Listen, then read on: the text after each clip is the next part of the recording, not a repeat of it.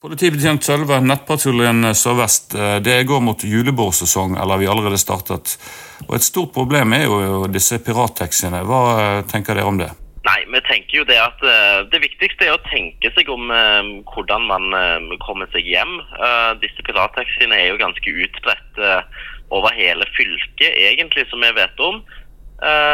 og det har jo hendt hendelser, bl.a. med disse kompiskjøring Facebook-sidene som er, som, ja, som er ganske dumme, da, rett og slett. Så vi, vi, vil at folk skal tenke seg litt om før man eh, bestiller en sånn eventuelt en pirattaxi. da. For det, du vet liksom ikke om, eh, om, bilen er i god stand, du vet ikke om sjåføren har førerkort, du vet ikke om han er ruspåvirka eller ikke.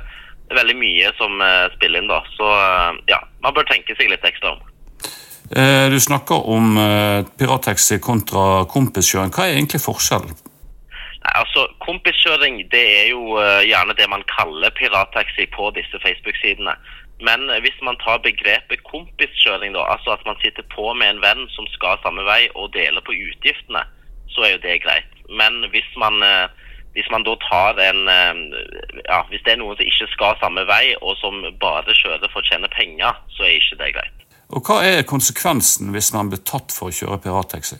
Konsekvensene det er at første gang du blir tatt, så er det 10 000 kroner i forelegg. Og så får bilen din et bruksforbud i tre måneder. Så da kan ikke bilen bli brukt på tre måneder.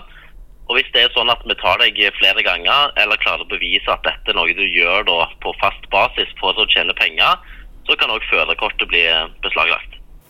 Nå er vi allerede i julebordsesongen. Hva er din siste oppfordring her til folk som hører på? Ta vare på hverandre, tenk fornuftig og ja, rett og slett pass på hverandre og vær en, vær en god venn.